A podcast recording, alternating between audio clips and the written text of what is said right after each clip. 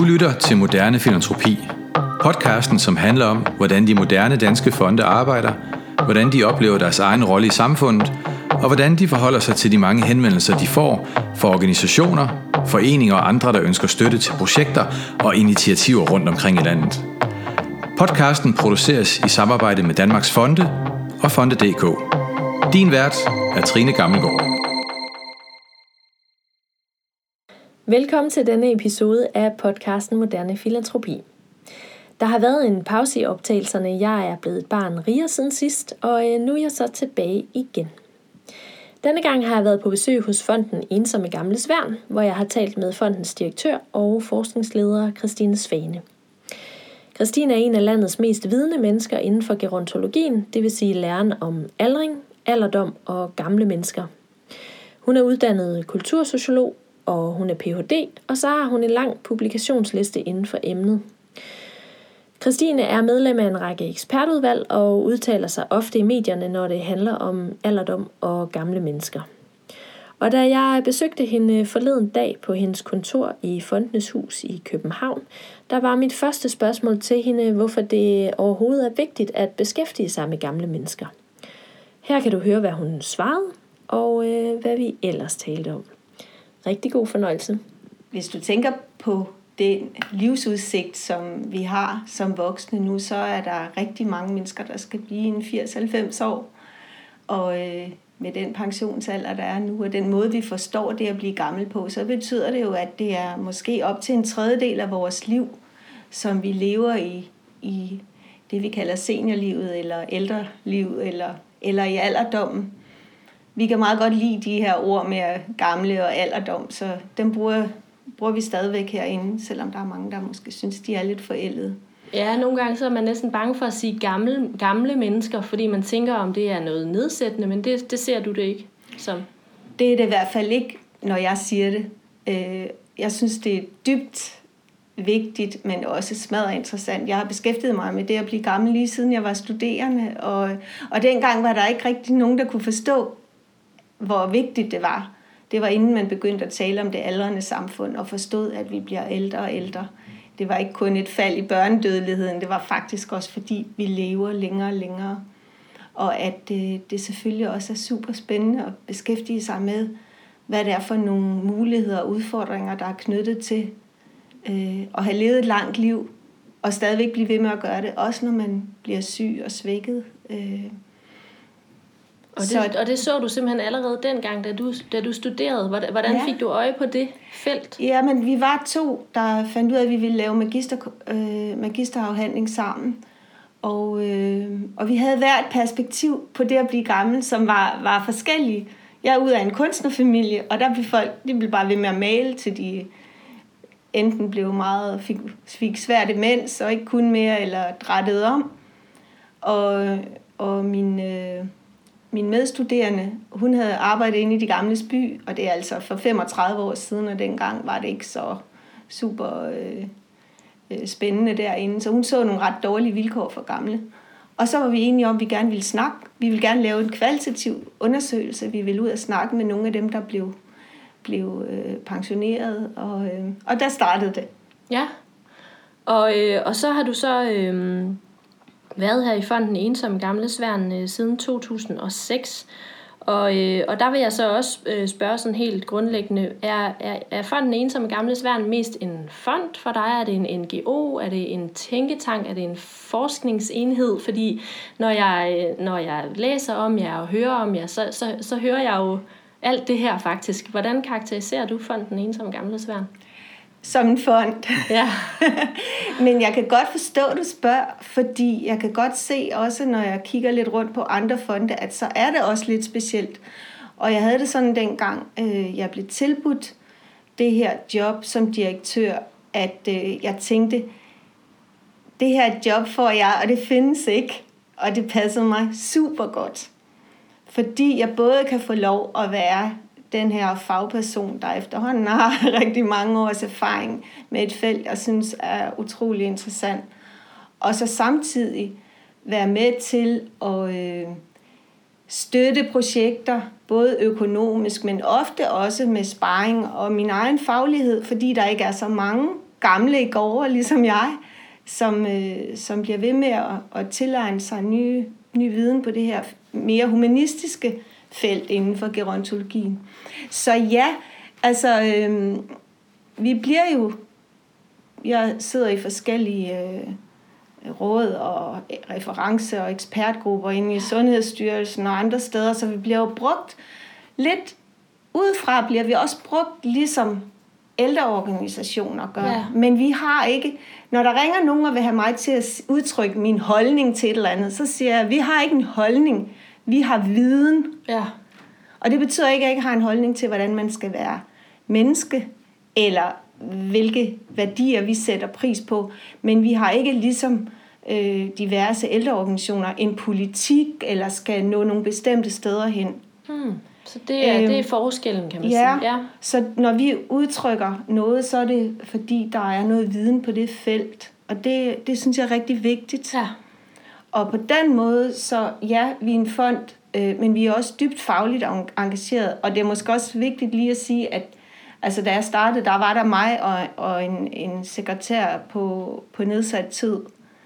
Øh, og vi er jo stadigvæk ikke ret mange. Vi er et lille bitte sekretariat. Mm øh, ikke engang bestående af fire fuldtidsansatte, mm. hvis man tager det. Og, så, øh, så det er jo også, hvad jeg kan overkomme øh, og være med i, men vi, vi trives rigtig godt med også at være nogen, som, som bliver spurgt til råds, og vi trives med en af de øh, veje, som vi har, det er at støtte Øh, specialstuderende, som vil lave noget inden for det samfundsvidenskabelige og humanistiske felt med ældre.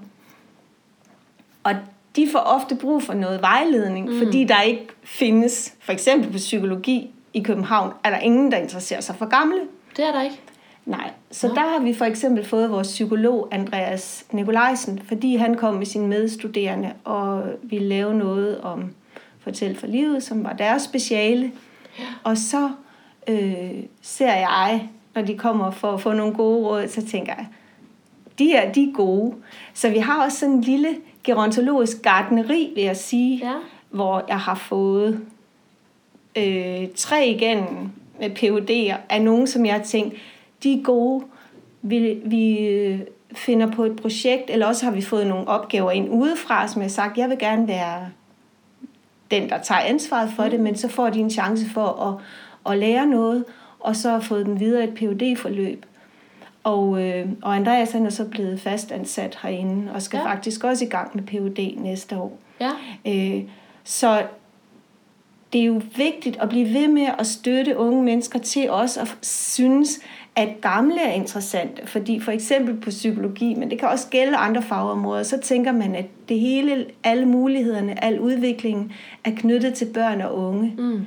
Det er også tit sådan, at man synes, at det er deres, når de har problemer, så er de væsentlige. Det forstår vi alle sammen intuitivt. Mm. Men det er knap så intuitivt at forstå, hvor vigtigt det er at hjælpe gamle mennesker, mm. som for eksempel føler sig ensomme, eller som er plaget af sorg, eller brud i familien, eller, eller hvad det nu er. Mm. Så, øh, så på den måde, så øh, synes jeg, det er rigtig, rigtig fedt at have et sted, hvor vi både kan støtte projekter, som folk finder på udefra, men også være med til at, at gøde og, og, og give vækstbetingelser til nogle af de unge mennesker, som, som øh, måske så hele deres liv kommer til at dele ud ja. af viden omkring gamle og være med til at udvikle det. Ja, og, og, og fortæl så gerne øh, noget mere om netop, hvad det, hvad, hvad det er, I støtter. Altså, fordi I støtter yeah. de her øh, studerende og yeah. forskning og så videre, yeah. men, men hvad støtter ja, I ellers? det vil jeg også rigtig gerne sige noget om. Fordi vi har et særligt fokus, et niche kan man sige, for der er jo masser af ældreforskning inden for sundhedsfeltet. Sund aldring. Der er et kæmpe center for sund aldring, som for eksempel har fået virkelig mange, mange millioner fra Nordea-fonden. Og, og vi er jo en lille bitte fond, men vi støtter det, der handler om det sociale liv i alderdommen. Og det, vores navn antyder noget med ensomhed, men vi støtter hele det felt, der handler om ensomhed, men også om relationer og, øh, og fællesskaber og hverdagsliv, sådan at det ligesom handler om, øh, hvad er det så for et liv, folk lever. øh, og har, har ikke fokus på øh, motion og, og sundhed i forhold til den fysiske krop. Det kan så være en del af det nogle gange, fordi mennesket er jo, er jo det hele. Men vi har vores fokus på, på det sociale liv. Og så har vi yderligere en indsnævring. Øh, og det er, at vi særligt prioriterer projekter, og det gælder både forskning og sociale projekter, øh, og også formidling. Særligt fokus på dem, der har mindst. Mm. Det vil sige de mennesker, der har færrest personlige ressourcer, men også den dårligste økonomi. Og øh, så vi har de her forskellige støtteområder, så har vi øh, et par egne aktiviteter, kan man sige, øh, som vi støtter årligt, og hvor det ene er et samarbejde med nogen, der hedder Samvirkende Menighedsplejer, som via deres besøgstjeneste finder ældre, som i den grad trænger til at komme ud sammen med andre, og som ikke kan gøre det selv. Og så laver vi et højskoleophold, der er tilpasset dem. Normalt valgfarter seniorer jo til højskoler på sådan 14-dages hold, og, mm. og det, er jo, det er dem, der kan selv. Men her får de en mulighed for at komme ud og være i et socialt fællesskab, hvor der er omsorg og, og socialt samvær og, og forskellige aktiviteter og foredrag og musik. Og det er helt utroligt, hvor positivt det kan virke ind på mennesker, der er syge og svækket, og som, som er ensomme og ikke rigtig kommer ud af vagten. Ja. Men, men støtter I også øh, altså direkte private også? Altså kan man, kan man, øh, kan man øh, søge hos jer som privatperson? Det har man kunnet, men vi har lavet det om, det vi kalder personlige legater. Ja. Sådan at man i dag, vi deler, og det er ganske få, altså vi deler øh, maks 100.000 ud på den her måde om året. Men der kan man indstille for eksempel en øh, medarbejder i et værested, eller en forebyggelseskonsulent, eller en præst. Okay. Forskellige steder kan indstille en ældre og sige, det her menneske har nogle udækkede behov mm. i en virkelig svær økonomisk situation, og helbredsmæssigt vil det også faktisk altid være. Ja. Og så indstiller hun eller han personen, så man kan ikke selv søge. Og det lavede vi om, fordi vi synes det var rigtig svært at tage stilling til, når folk beskrev sig selv ja. og sendte en kopi af deres årsopgørelse. Ja. Øh, ja, hvad, hvad udtrykker det egentlig? Nu er der en, der vil sætte sit navn på og sige, det her menneske trænger til, til støtte. Og det er ikke, det er ikke et kæmpe beløb, det er 7.000 kroner. Ja. Men i nogens liv, siger der, så kan det gøre en kæmpe forskel. Mm. Og det gør en stor forskel, det at der er nogen, der faktisk øh, lytter til en og, og opmuntrer en, øh, udover at det faktisk, så er der nogle mennesker, for hvem 7.000 kroner er rigtig mange penge. Ja. Og det er dem, vi, vi giver de her personlige legater til. Ja. Mm. Og hvor meget er det, I, øh, I uddeler, uddeler i alt årligt? Cirka? Ja, men det er sådan mellem 2 og 4 millioner. Ja. Og, ja. og hvor meget det kommer an på, hvad for nogle... Altså, dels har vi lige haft et par phd projekter som vi selv havde initieret, ja. som handlede om de øh, både om folkepensionister uden anden indkomst end folkepension, som lige blev forsvaret her inden jul. Og så et andet øh, phd projekt som handlede om øh, socialt udsatte ældre i København, som så nogle vi ikke ser, som sidder på bænke og værtshuse og bevæger sig rundt i parker ja. og, og væresteder. Og, og det er klart, når vi selvom vi har delt det ene med Aalborg Universitet og det andet udgifterne med, med forskningscentret VIVE, så er det nogle større, altså nogle større øh, beløb fra vores side. Ja. Øh, men ellers afhænger det også af, hvad der kommer ind jo af ja. ansøgninger. Så øh, der, jeg synes, vi har en kanonbestyrelse, som er meget også på den måde fleksibel i forhold til at sige, at det er nu, der ligger et projekt, som, vi virkelig, som virkelig passer i det her alligevel relativt snævre fokus. For eksempel støtter vi lige nu et projekt om øh, øh, konsekvenserne af digitalisering for mere udsatte ældre. Altså da det kom ind, så havde vi lige tænkt på, hvordan kan vi, kan vi, kan vi udskrive et eller andet, så vi kunne få et projekt, der ligner det her. Og så pludselig så ligger der et, og det laver de ude på IT-universitetet. Så siger man, okay, så er det nu. Ja. Og, øh, og på den måde er der sådan en stor grad af fleksibilitet, men dem, der har mindst, fylder mest ja. hos os, og det er også ældre øh, ældre indvandrere og flygtninge, og det er også socialt udsatte og, og minoriteter, altså også ældre, der bliver marginaliseret på forskellige måder i vores samfund. Øh, ja. Ja, og, og, øh, og hvordan er fordelingen øh, mellem, øh, mellem det forskningsrelaterede og så, og så sådan projekter, som gør en, en forskel for den enkelte ældre? Ja, eller gamle. Øh, vi har ja, vi har hovedvægt på forskning, ja. og det vil også ofte være den, der, der er dyrest, mm. kan man sige. Øh, og så sådan 50-50 sociale udviklingsprojekter, og så nok lidt mindre til formidling. Øh, men der er ikke nogen rigide kasser. Altså, det er en måde, vi inddeler på. Ja. Der kan også være projekter, der er begge dele. Vi har lige støttet et projekt, hvor det dels gik til udvikling, men så fik nogen på universitetet, på Københavns Universitet, nogle penge til også at følge det her projekt, hvor, de, hvor ansøgningen ligesom havde den her todelhed. Ja. Øh, så det, er, det varierer lidt. Men det er helt sikkert, at vores Altså, vi er jo ikke ude at støtte noget, der kræver store maskiner og så videre, så, så det går jo meget til, øh, når det er forskning, går det jo ofte til forskerløn. Ikke? Ja. Øh.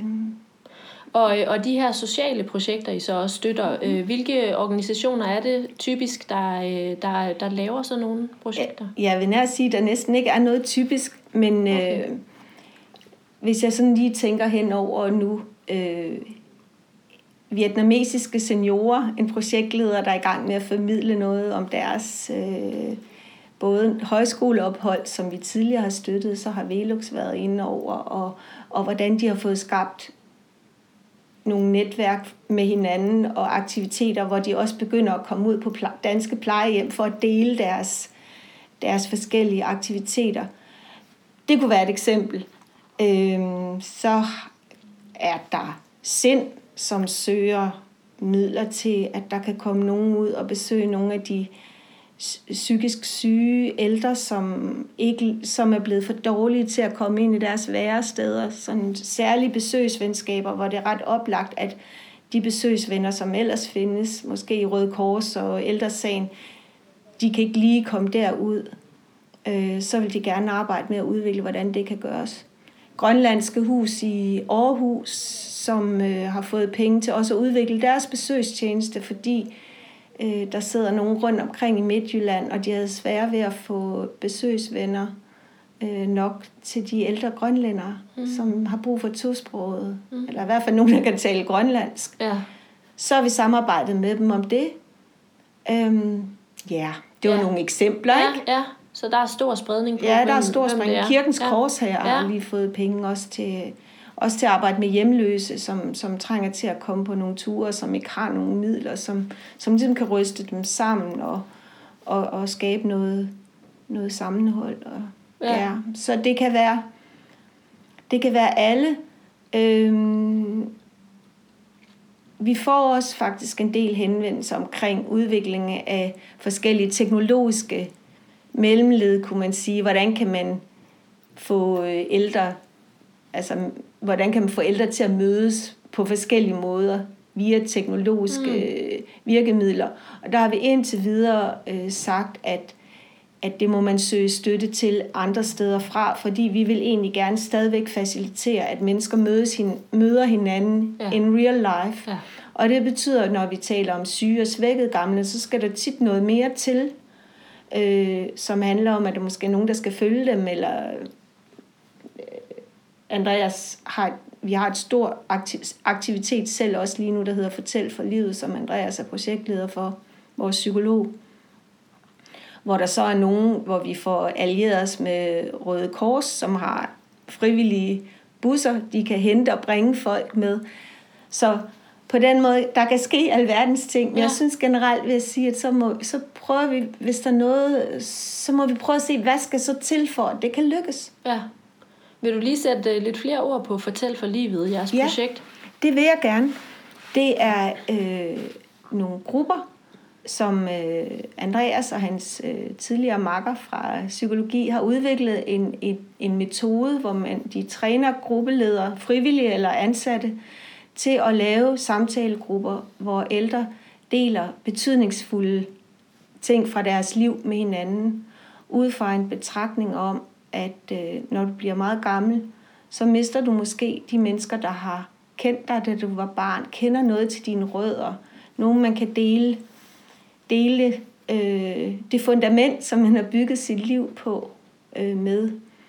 At man mister sine livsvidner, og det, at det handler om, at du kan få nye relationer ved faktisk skyde en slags genvej ved, at de ting, man taler om, de er så betydningsfulde, så man lærer hinanden meget godt at kende i forhold til, hvis man sidder øh, i en, øh, i en aktivitetscenter og drikker, øh, drikker kaffe og modtager forskellige form for underholdning eller ja. fysisk træning, så er det altså fokus på mennesker, der har lyst til at dele noget med hinanden. Og det er helt vildt, øh, hvor stor interesse der er kommet for det. Så Andreas og i sin tid også Morten Hedelund, de har været ude i 10 kommuner forløbig. Og for eksempel i Odense Kommune, der er dem, der laver forebyggende hjemmebesøg, de hørte om Fortæl for livet, så sagde de, at det passer lige til vores 90 plusårige. Okay. Det er dem, der sidder i den der situation og mangler livsvidner. Ja.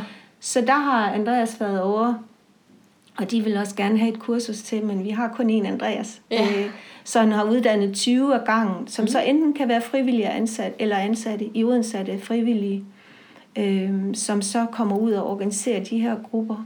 Ude på plejehjem? Og... Det kan være på plejehjem, men det kan også være øh, altså, øh, steder, hvor, hvor der er kommunale øh, lokaler, eller okay. det kan være ja, i et plejehjem, eller det kunne måske være Røde Kors, der har nogle ja, ja. lokaler det er ikke vigtigt, hvor det er. Det er vigtigt, det er et rart rum og, og er tilgængeligt, fordi det er ikke alle, der er lige godt gående. Så hvis man øh. sidder ude i landet og synes, det lyder fantastisk, så ringer man til jer og hører, hvordan det kan lade sig gøre. Øh, hvordan kan I hjælpe dem? Øh? Ja. Eller hvordan foregår det? Ja, men altså indtil videre, så er der jo nogen, der har henvendt sig fra kommunerne og sagt, det der, det er vi interesseret i, og nogle gange er der ikke nok, og så er der kommet nok på et tidspunkt til, der er kommet et hold. Nogle gange har vi lavet forskellige fleksible løsninger, men vi er faktisk ved at finde en måde for Andreas. Vi kan ikke klone ham. Nej. Øh, og vi kan Svær. faktisk ikke følge med den efterspørgsel, okay. der er. Men der er vi har, stor interesse for ja, det. Ja, men vi har valgt noget, som jeg glæder mig rigtig meget til, øh, fordi vi har et samarbejde både med det grønlandske hus her i København og i Aarhus. Så har vi snakket med dem, og så har vi øh, lavet et projekt, hvor vi skal bringe øh, Fortæl for livet til Grønland. Mm. Og det er i samarbejde med et større forskningsprojekt, der hedder Arktisk Aldring, som får støtte fra Veluxfonden, ja. hvor der er nogle etnologer i Grønland for at hjælpe dem med at finde ud af, hvordan man kan forbedre vilkårene fra, for ældre grønlændere, som tit bor jo ude, også hvor de yngre de flytter til byen, præcis som vi også kender det her. Ja. Det er bare øh, værre der. Ja. øhm, hvor de her i Arktisk Aldring, og så også i samarbejde med, med Røde Kors i Grønland, er vi i gang med at finde ud af at finde gruppe, øh, potentielle gruppeledere, hvor Andreas så skal op og lave et kursus for dem. Og så plan 2, det er også at lave det her i Danmark, knyttet til de grønlandske huse. Så det, det er sådan et sted, hvor vi er blevet inspireret af, at vi har fået ansøgninger fra de her forskere i arktisk aldring, hvor en af dem arbejder med livshistorie, og de er deroppe. Så har vi selv fortalt for livet, bliver mere opmærksom på en målgruppe. Vi har snakket om ældre indvandrere og, og flygtninge, men hvad med ældre grønlændere? Og så øh, på den måde udvikler der sig ja. et samspil, som, øh, som er rigtig frugtbart. Ja. Så vi har, vi har lige nu også stort samarbejde med Røde Kors, og vi er at prøve at finde ud af, hvordan vi kan øh, om Fortæl for livet kan blive en aktivitet i deres regi, så Andreas kommer mere ud i anden position, ja. og det så kan blive noget, de kan køre videre. Okay. Jamen, det er spændende. I, I, arbejder, I arbejder med rigtig mange forskellige ting, kan jeg høre. Ja, så det er faktisk svært at sige præcis. Øh, altså, man kan i hvert fald ikke sige, at vi gør bare én ting. Øh, vi gør det på mange måder, og vi prøver at gøre det sådan, som det... Kan man sige, vi finder på måder at gøre tingene på. Ja. Øh, Også når vi synes noget opstår, og hvor der, hvor der opstår nogle behov, og, ja. og hvor der sådan, øh, det lyder som om I sådan øh, er gode til at, at, at se, hvor, hvor der er behov henne, og, og hvordan I kan være med. Ja, ja. og, og, og vi bliver også inviteret ind. Vi, altså nu en gang, dengang jeg var leder af Gerontologisk Institut, og ikke havde noget med fonde at gøre, der kan jeg bare huske, man sagde, at fonde giver ikke til fonde. Altså det var ligesom, de fonde var dengang adskilt fra hinanden, og, og sådan lidt fjerne. Men i dag er der jo meget samarbejde også mellem fonde, og for eksempel har vi lavet flere opgaver for Maryfonden, no. som for en år, årrække tilbage blev interesseret i ensomhed, og hvor jeg blev inviteret med ind i deres ekspertgruppe omkring ensomhed, og hvor vi har lavet et forskningsprojekt omkring ensomhed midt i livet. Og du, du sagde i starten, jeg er både direktør og forskningsleder, ja. så jeg har også mulighed for, at det er kun min tid, der sætter begrænsning ja. for os selv at være involveret, og det, det var jeg der, hvor ja. vi så har lavet et par forskningsrapporter om ensomhed, svær ensomhed blandt voksne fra ja. 30 til 50 år. Og baseret på det gik Maryfonden så videre i samarbejde med Røde Kors og med støtte fra Veluxfonden og har lavet noget, der hedder Værket, netværksgrupper for voksne rundt i landet. Og vi har lige, så har vi fulgt det i fire år i forskellige faser, hvor vi har evalueret, Andreas og jeg. Og nu har vi lige sluppet det, fordi nu er det overgået til, øh, til drift i Røde Kors, mm. og ligesom fjernet fra Maryfonden. Ja. Men bare for, faktisk bare endnu et eksempel på, at, øh, at vi arbejder sammen på forskellige måder. Ja. Og det med at tage fat i midt i livet, det giver rigtig god mening, når vi tænker på, at når man er gammel, det er også på mange måder en, en øh, øh, altså det er jo, jo det er jo øh, akkumulationen af det liv, man har levet. Ikke? Ja. Altså hele livet tæller. Ja. Så hvis du er meget ensom midt i livet, hvordan skal det så ikke gå, ja. når man bliver gammel? Det er ja. ikke sjovt at være 50, om, når man har det rigtig skidt, så har man kun sin mor at ringe til. Ja. Og vide, at, øh, at hun ikke holder Når hun så ikke er evigt. der mere, hvem ja. ringer man ja. så til? Hvem ja. ringer man så til? Ja. Så det har, det har vi også lært rigtig meget om ensomhed øh, på den måde. Ja. Og den ensomhed, som, som plager nogle af, af de grupper, som føler sig uden for samfundet. Ja. Ja, mm. Jamen, det er så spændende. Øh, inden vi går øh, endnu mere videre af den vej, for jeg har mange spørgsmål, der presser sig på, kan jeg mærke, så skal jeg lige bede dig om lige at rise fondens historie op. Øh, fordi det er, jo en, det er jo en gammel størrelse.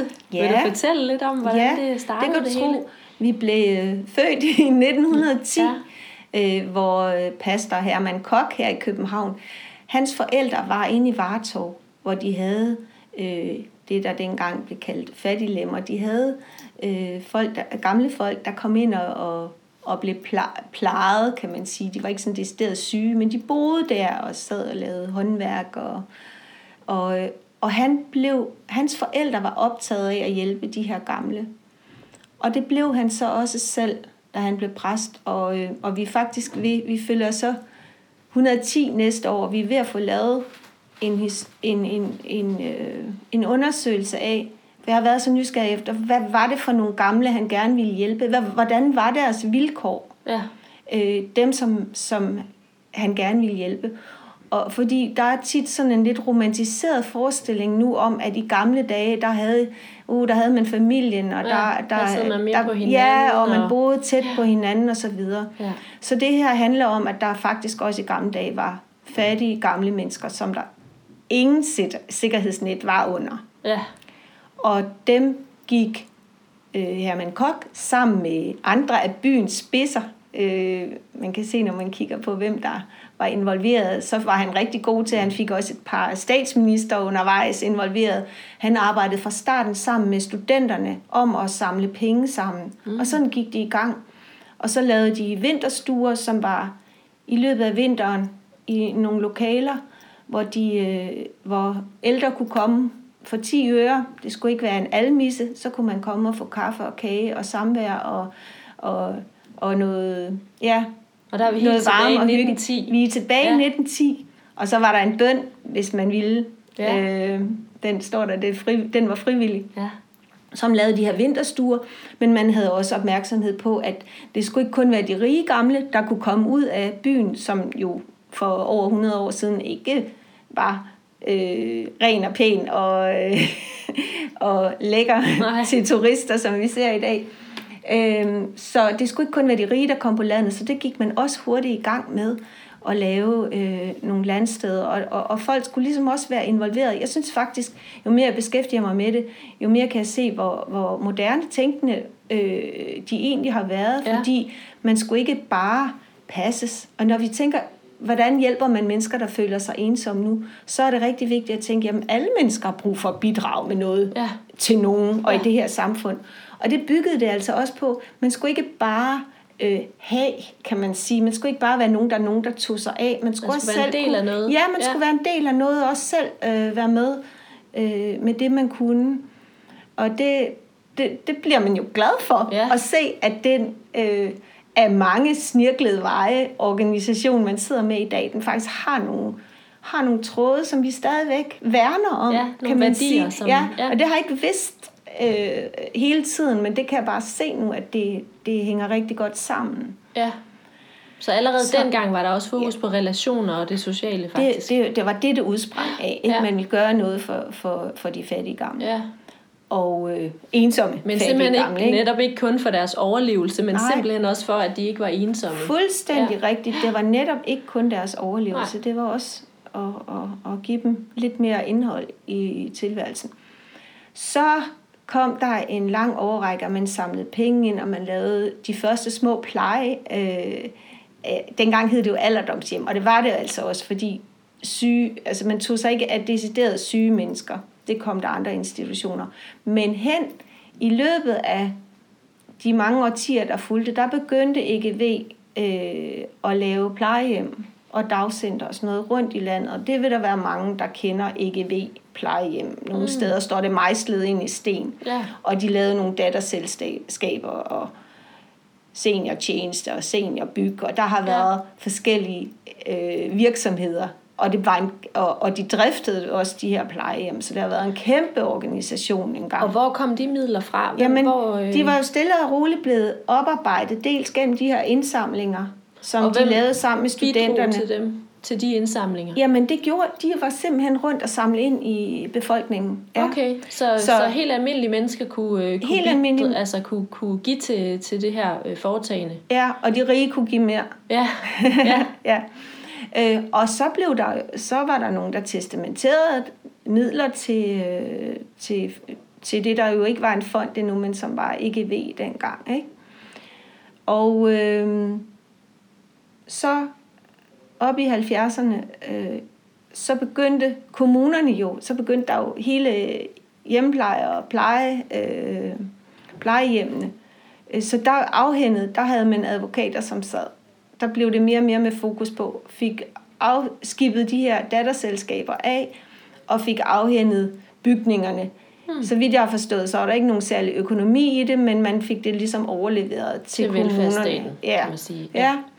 ja. Øh, og så kom der en ny lovgivning, så i midten af 80'erne, der blev øh, lavet ensom gamles værn, eller EGV, som det hed på det tidspunkt, øh, etableret ældresagen, som så skulle være den her politiske og interesseorganisation for ældre. Øh, og så blev de penge, der blev til overs, det blev til fonden, der i første omgang kom til at hedde Ældrefonden, og Bjarne Hastrup, der er direktør, var også der stadigvæk er direktør i Ældresagen, var også en overgang direktør i både Ældresagen og Ældrefonden. Og siden blev det skilt fuldstændig ad. Okay. Og, øh, og så da jeg kom ind i billedet der i 6, der hed vi stadigvæk EGV-fonden. Men i, øh, i 2010, hvor vi jo fyldt 100 år, så øh, dels vil jeg gerne have et nyt logo, og øh, vi vil også finde ud af, hvad, hvordan skal vi fejre? Hvordan fejrer man sin 100-års fødselsdag? Det øh, skulle vi tage stilling til. Og så samtidig var det altså ret træls, at der ikke rigtig var folk, der vidste, hvad EGV var. Mm. Altså, ingen yngre mennesker vidste, hvad EGV stod for, og de ældre vidste, det var noget med plejehjem. Men det der med, hvad er det, vi er nu, det var ja. der ikke rigtig nogen. Det skulle jeg forklare hele tiden, og jeg synes, ligesom, man var sat lidt bagud på point, når man skulle starte med at forklare, hvad det var, Ja. man var. Og så synes vi også, vi ville også gerne være med til jo at pushe en dagsorden, der hedder, at det her med det sociale liv og ensomhed, det er også vigtigt. Ja. Øhm, og også, at nogle flere skulle, skulle vide, at vi, vi er os, og at man kan bruge os til noget. Ja. Så der endte vi altså med at beslutte os for at tage vores gamle navn igen. Ja. Vi lavede et nyt logo. Jeg synes, der var meget mere tidsvarende, men tog vores gamle navn igen. Ja. Og så må jeg tage de øh, lusinger, som jeg får, når jeg er ude for eksempel at holde foredrag i, øh, for, for seniorer. Øh, fordi øh, yngre og ældre bryder sig ofte ikke om ordet gammel. Nogle Nej. Synes, det er rigtig godt, men nogle bryder sig ikke om det. Ensomme, altså de synes, det lyder ret, træl, ret trist. Sådan lidt og det her med trist værn, er det Ja. ikke noget med børneværn Ja. og sådan noget, ikke? Men hvis jeg siger, at ensomhed og hvilken betydning det har, at det er noget, der er svært for mennesker, når man har det sådan, så har man, føler man sig trist, eller nogen har det rigtig, rigtig svært. Gamle, jeg forklarer, at det synes jeg faktisk er et rigtig fint ord, og mm. at vi også beskæftiger os med de ældste, Mm. hvor der er den største forekomst af ensomhed. Og værn jo også handler om at drage omsorg for. Ja. Ja. Det var jo også der, man skab, da, det, da det blev skabt der tilbage i, i 1910. Ja. Så så kan jeg som regel få lidt, øh, vi kan grine lidt af det og diskutere det lidt, og så, så er det så det navn. Ja. Og det synes jeg, det er værd, Ja. fordi det er rart at kunne udtrykke med vores navn, hvad det er, vi, vi arbejder med. Ja. Men man får jo sikkert også nogle interessante snakke i gang, når man taler om ordet gamle netop, fordi, ja. fordi der er, vi har det i den her tid, synes jeg, med at gå meget på listefødder over for hinanden med, hvad må man egentlig sige, og hvilke ord må man bruge.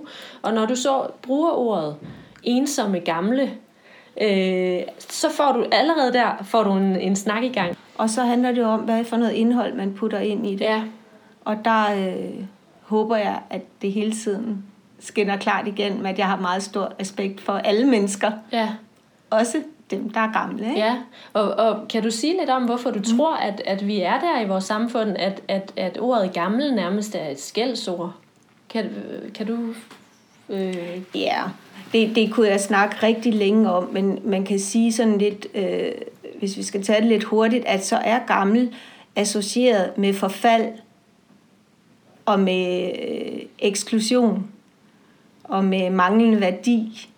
Og det er der ikke mange af de 1,1 million over 65-årige, der synes er rart at blive associeret med. Og det kan jeg dele du med godt forstå. Mm. Så det, det er jo... Øh, øh, og det er rigtig svært at få stereotyperne omkring det at blive gammel øh, gennemhullet af alle de seniorer og ældre og gamle, der viser, at man kan leve på mange forskellige måder. Ja. Og det synes jeg, nu startede vi med at snakke om gerontologien, og det Ja. vil jeg faktisk sige, at noget af det, jeg bærer med mig for de her mange år, det er, hvor svært det er at give, øh, altså trænge igen med, hvor forskellige mennesker er, når vi bliver gamle. Vi er jo endnu mere forskellige, når vi bliver født. ja, Et helt livs erfaring ja, som er subjektiv Ja. for det enkelte menneske. Hvordan vilkårene kan være de samme, men hvordan du oplever dem, de vil være så forskellige.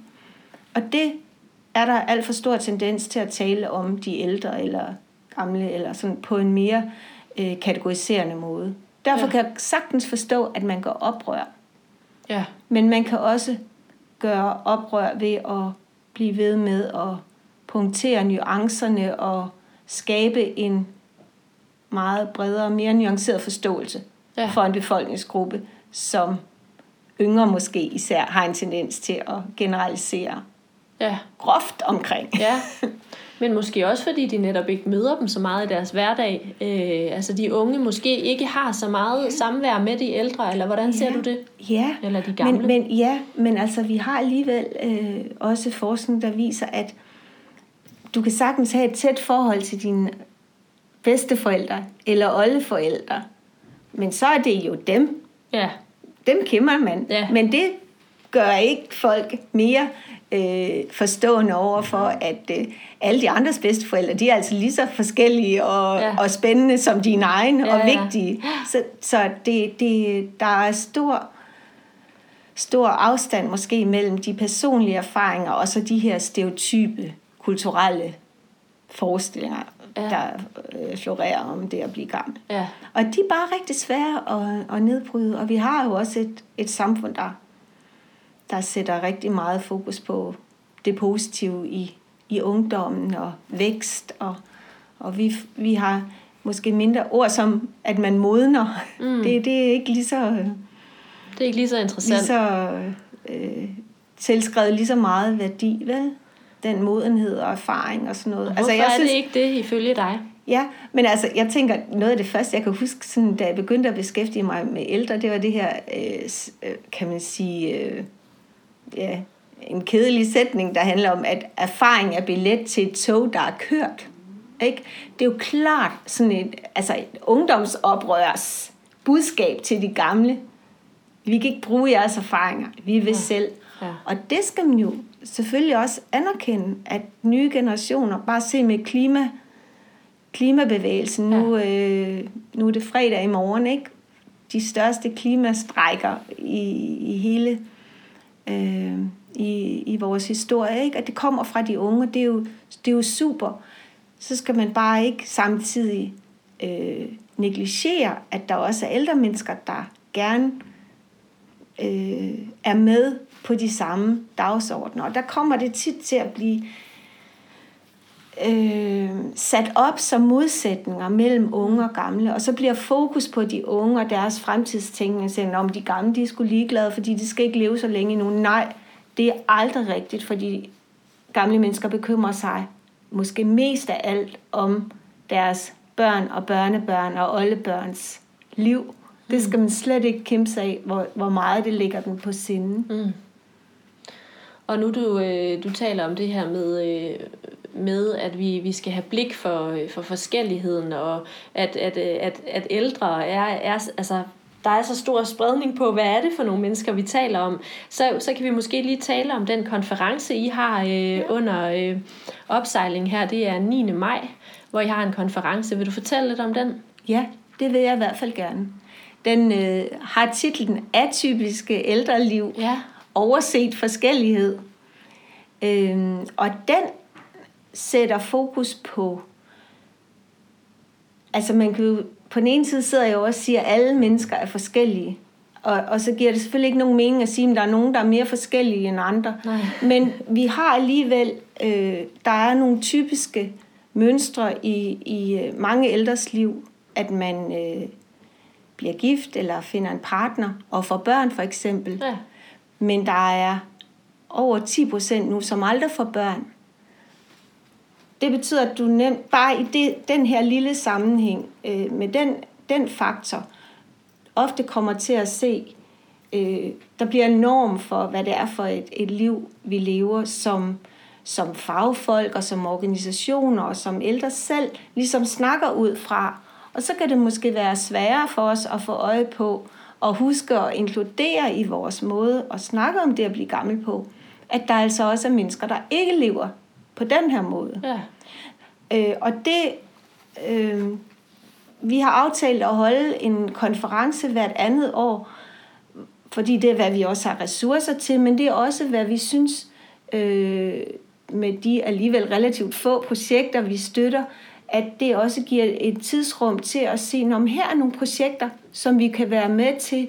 Vi vil nemlig også gerne være medansvarlige for, at den viden, som bliver produceret i forskningsprojekter og andre projekter, den kommer ud. Ja. Og det vil du kunne se på vores hjemmeside. Det vil du også kunne se, når vi, øh, vi har en super dygtig journalist to dage om ugen. Det prioriterer vi. Hun tager ud og besøger vores projekter nogle gange og hjælper dem med også at få formidlet øh, vigtige ting fra deres projekter. Og det kan vi også bruge konferencen til. Og der kan vi så koble både øh, altså inspireret af nogle af de projekter, vi øh, støtter. For eksempel støtter vi lige nu et projekt, som snart udkommer i et rapport, som, en rapport, som handler om homoseksuelle ældre hverdagsliv og deres, hvor søger de fællesskaber og støtte. Øh, det har vi med. Vi har støttet PUD projekt, som jeg nævnte tidligere, som handler om folkepensionister, øh, uden anden indkomst end øh, folkepension, og måske lidt ATP, som jo er et modbillede mod sådan det her, når nu er de ældre, altså nu er de ældre ved at være rigtig godt ved muffen, ikke? og der har også nogle gange været fremme, at om det, er de, det er de ældre, der har scoret, øh, snuppet alt flødeskum ja. i, i det her samfund, ikke? og nu er der ikke noget tilbage til de unge osv. Øh, på den måde, så er der, øh, vi laver, øh, der er noget om, øh, også det andet phd projekt jeg nævnte tidligere, om socialt udsatte ældre i, øh, i København, som lever nogle helt andre liv, øh, og som har andre mere komplekse behov, øh, som vi så lærer noget om, ved at det bliver båret frem. Ældre, der ikke øh, har nogen partner, øh, som lever liv alene. Hvad er deres situation? Ja. Og vi prøver altid at gøre det på en måde, hvor det er nuanceret, så det er ikke sådan, man skal tænke, om det er, det er synd for nogen, eller vi prøver at vise, hvad er, hvordan er deres liv? Ja. Ikke?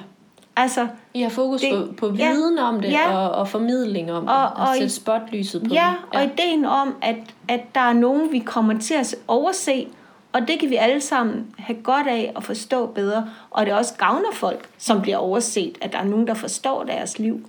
Ja. Øhm, så, så der er fokus både på ældre indvandrere og, og flygtninge, der er fokus på, på ældre, som tilhører seksuelle minoriteter, der er fokus på mere socialt udsatte ældre, og så på, og på den måde ældre, der lever liv, som ikke er det første øh, type liv, du, du tænker på, når du tænker på, hvordan det er at blive gammel. Ja.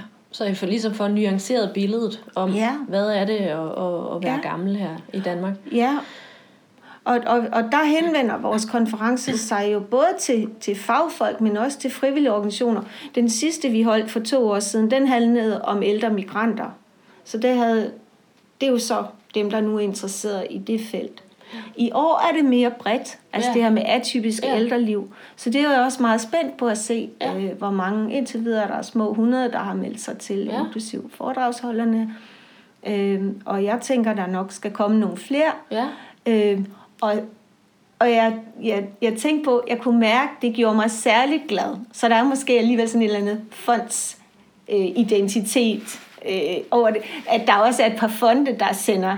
Øh, der, hvor der er nogen, der kommer til den konference. Så ja. tænker altså jeg bliver også glad for at se, at der kommer nogen fra, fra kommunerne, fra forskellige stillinger, der kommer nogen fra styrelserne, fra Sundhedsstyrelsen, fra Socialstyrelsen, der kommer nogen fra Røde Kors eller universiteter osv.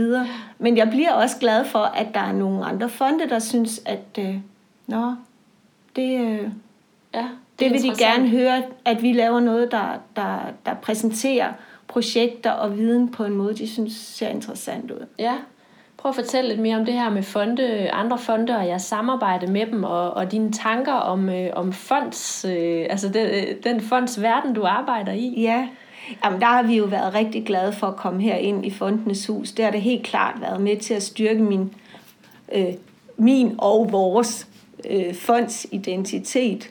Øhm, fordi altså, jeg kom jo fra forskningsverdenen, og jeg har også været lidt rundt om universitetet. Sådan jeg, øh, så, så det her med at forstå, hvad det vil sige at være en fond, udover det, er, at så er man en, som folk godt gider at snakke med, fordi de tænker, man nok har nogle penge, ja. øh, så synes jeg bestemt, at det er interessant at være et sted, hvor fonde er forskellige, og det er med til at, øh, at gøre, at man også får større øh, blik for, hvad det er, man selv laver. Fordi vi jo alle sammen spejler os i hinanden. Det ja. gør vi også i privatlivet. Det gør du også, hvis du, hvis du var sygeplejerske, så vil du også, og du arbejder på et hospital, så vil du, du tænke, at de gør det sådan derovre. Og der synes jeg, at det her med at være en del af en fondsverden, dels så kan vi også, altså snakker vi jo også om, når nu er jeg så hende, der ved noget om ældre. Okay, så er der nogen, der får en ansøgning, der handler om noget med ældre, som de synes, at det, det kunne være fint jeg bliver, læser også nogle gange, hvad hedder det, peer review øh, øh, på andre fondes, også uden for vores fondshus. Altså deres øh, ansøgninger, hvis det er noget, hvor man tænker, det, det er noget, som jeg kan forholde mig til. Så andre altså, fonde henvender sig til dig og siger, at du er ekspert inden for det her område. Mm, Vil du mm. hjælpe os med at mm, vurdere den her ansøgning? Vil du bedømme ja. den her ansøgning? Ja. Øh, og, og det... Øh, det giver jo både en indsigt i, hvordan andre fonde arbejder, og på den måde også en, afspejling i, at man selv tænker, om det der, det, det kunne vi måske... Øh, øh, altså, at det vil vi også sætte fokus på, eller, eller bare den inspiration, der er i at, øh, at være i et fællesskab, hvor der er andre, der laver lignende arbejde, selvom vi er meget forskellige. Ja. Det synes jeg er, ja. er fint. Så er det selvfølgelig hyggeligt at have Helsefonden inde ved siden af, som var den første fond, jeg selv søgte til mit phd projekt ja. i sin tid. Ja. Så de har jo altid været sådan nogle, jeg havde meget stor, øh, hvad skal man sige, taknemmelighed til. Ja. Og nu er vi naboer og, I kollegaer naboer. Ja, ja. og sådan noget. Ja. Og det siger selvfølgelig også noget om, at man bliver ældre og modnes, men, øh, men også at altså den her faglighed, der er også nogle faglige ting, som vi brænder for på tværs. Ikke på tværs af alle fonde jo, men så finder man jo også der, hvor, hvor fællesskaberne er. Og nogle gange kan vi få noget til at lykkes, og nogle gange bliver der så måske kun nogle diskussioner af, om vi kan lave noget sammen på et felt. Ja. Men det synes jeg er meget inspirerende, og, og jeg synes også, der er en fordel i, at vi bliver hentet med ind, selvom det også er tidskrævende selvfølgelig, at deltage i forskellige ekspertgrupper og øh, styrelsesmøder og så videre, så betyder det også, det kan vi i hvert fald mærke, at der er, altså der er mange, der ved, vi er der. Og det ja. synes jeg, jeg tænker, vi også bliver sådan lidt, du spurgte først, hvad vi var. Du nævnte ikke ordet videnscenter, men det tænker jeg lidt, Jeg tror også, Måske, at tænketank. Ja, tænketank.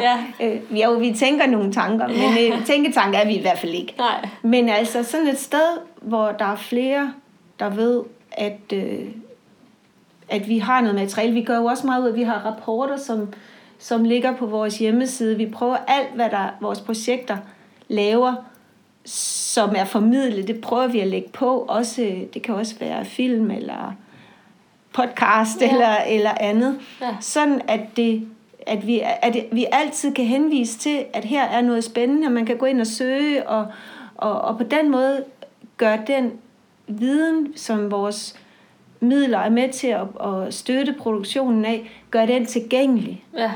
Og på den måde, nej, så er vi ikke en fond, der sidder inde øh, i et eller andet lukket kontor, men det er der også mange, der tænker om forskning. Ja. Og der er jeg så opdraget sådan, øh, fra, jeg var med fra Dansk Odontologisk Institut, blev startet af Henning Kirk i 1989. Det var mit første job, og der blev jeg til at slutte med at være institutleder de sidste seks år, tror jeg det var. Der oplevede vi jo også, at folk forbandt forskning med sådan noget, du ved, elfenbens tårne. Ja. Og det har vi aldrig arbejdet ud fra. Så jeg har været opdraget lige fra starten, kan man sige, til at vi formidler, Ja. om det så var samvirke, eller i radioen, eller Ja. i helse, eller i... Altså, at vi skal ud med den viden. Ja. Så her, øh, her til sidst, så vil jeg, vil jeg høre dig, hvis du har en vision eller en drøm øh, for hele det her felt, du sidder med, som er et stort felt, men som, øh, som handler om, om de her mennesker i samfundet, du arbejder med, nemlig de gamle. Hvad, hvad, vil, hvad vil du sige, det var så? Hvad er din drøm for, øh, for gamle og, og vores måde at se alderdommen på?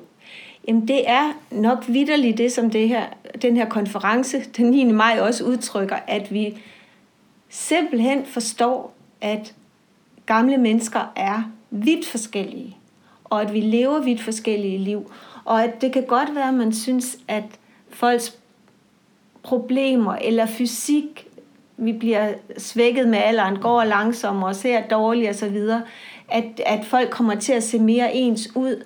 Men de liv, det liv og det, der har betydning i det enkelte menneske, det er dybt subjektivt. Og det skulle man tage at interessere sig for. Fordi det vil alle, der arbejder på plejehjem, eller i hjemmeplejen, eller i frivillige organisationer, de vil sige, at de er i det, fordi det er så interessant at lytte til gamle menneskers historier, og hvem de er, og, og repræsentationer fra andre tider. Så der er så meget at, at lære og forstå. Og det, altså der er, øh, der er nogle stereotyper, som for nogen er med til at spænde, øh, spænde ben for at nærme sig gamle mennesker. Ja.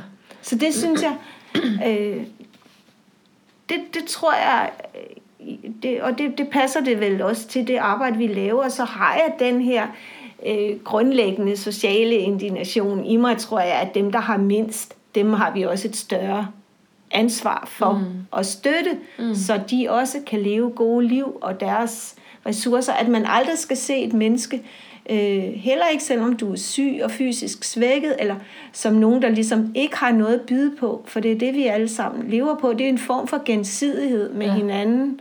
mellemmenneskelighed, hvad vi nu vil kalde Ja. det. Så øh, nu er vi altså også ude i de, de store visioner, men, men det kan man jo godt arbejde på, Ja, og det er vel det, vi gør. ja. Men øh, så siger jeg tusind tak for i dag. Det var virkelig interessant at høre om det her felt, Christine. Selv tak.